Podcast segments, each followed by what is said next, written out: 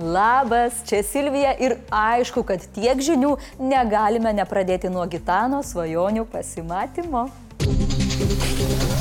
Konservatoriams pradėjus pyktis, ar Anušauskas tikrai viską padarė, kad Vokietija į Lietuvą atsiųstų karių brigadą, mūsų prezidentas nusprendė, kad tylėti nebegali.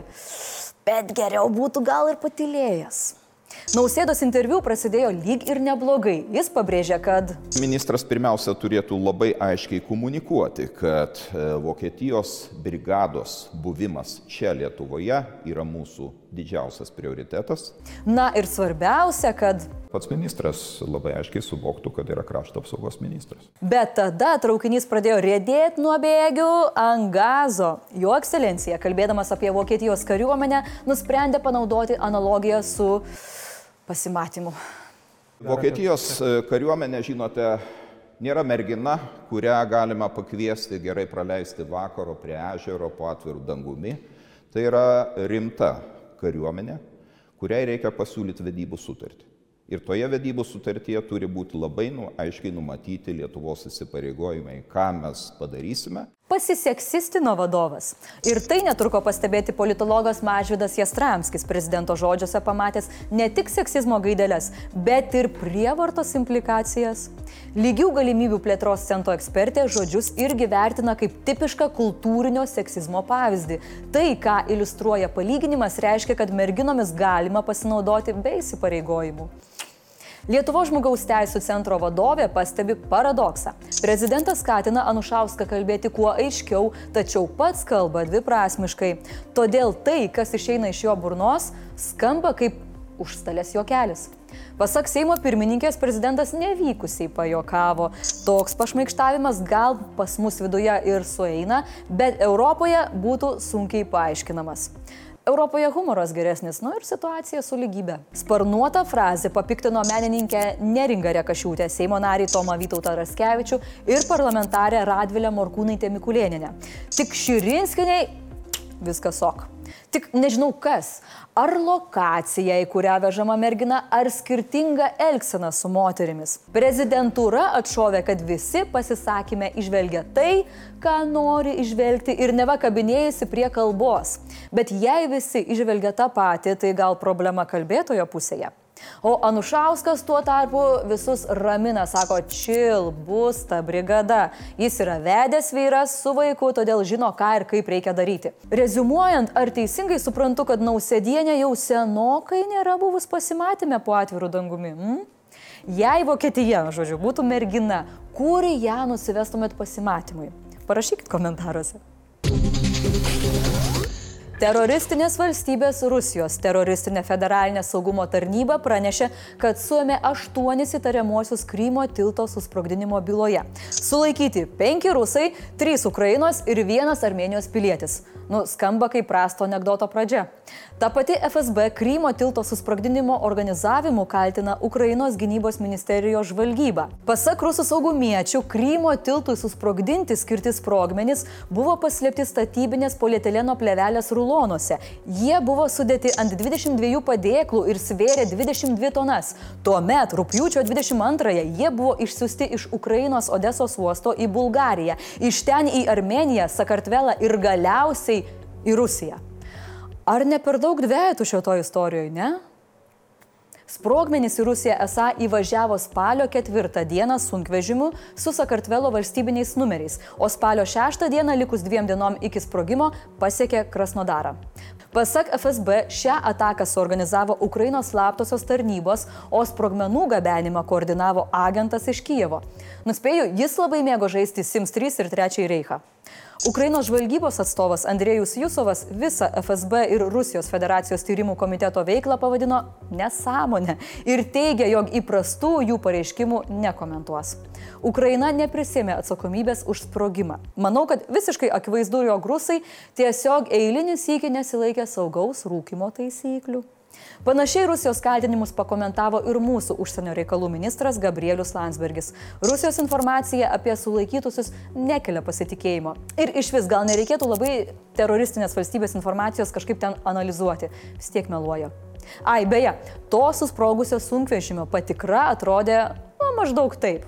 Sprendžiant iš rusų kelių pareigūno profesionalumo, tuos sprogmenis buvo galima tiesiog karutėje už fūros vežti ir niekam nekiltų jokių klausimų.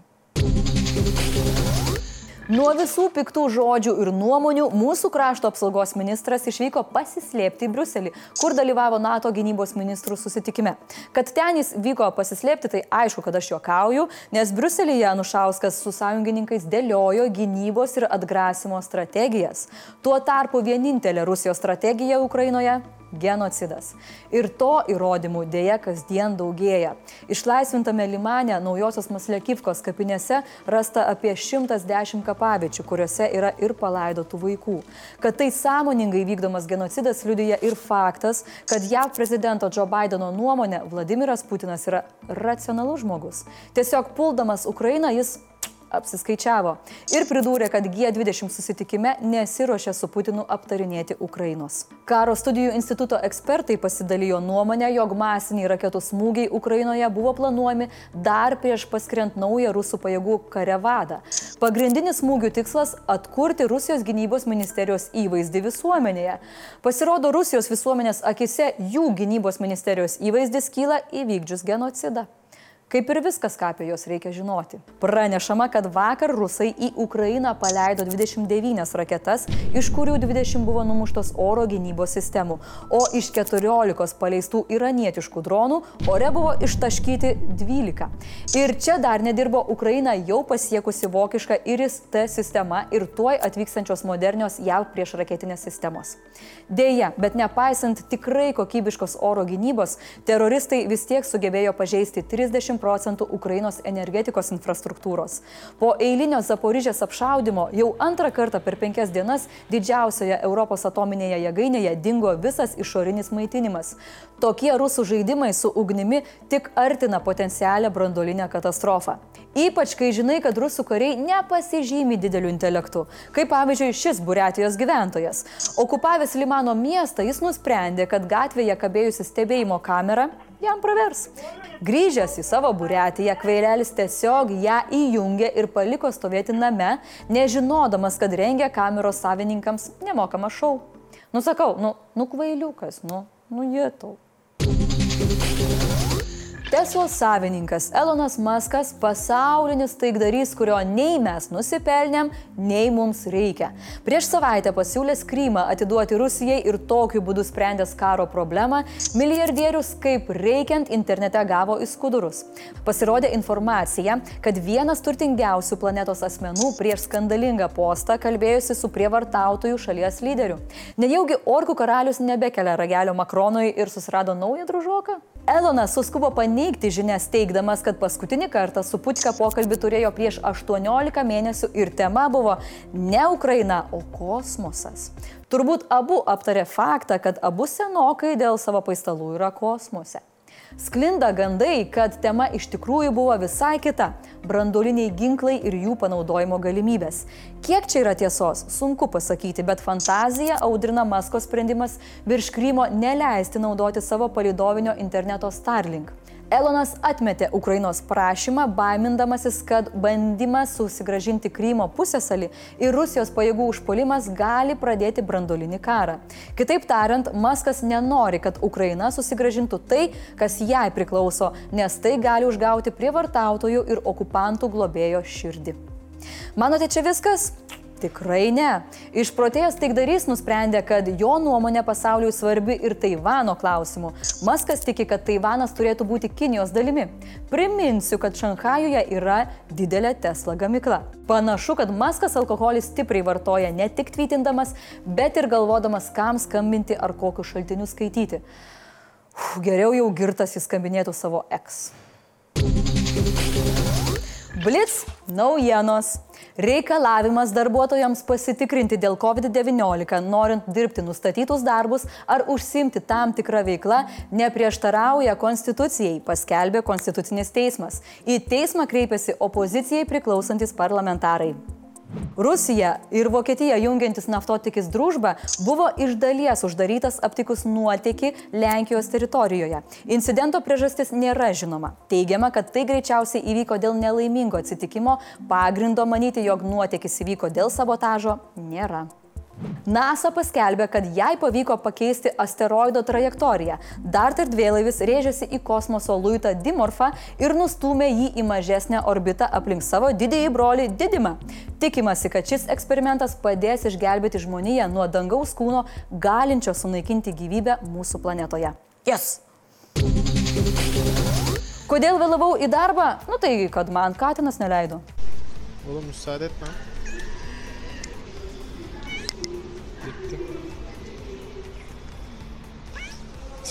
Komentarų metas.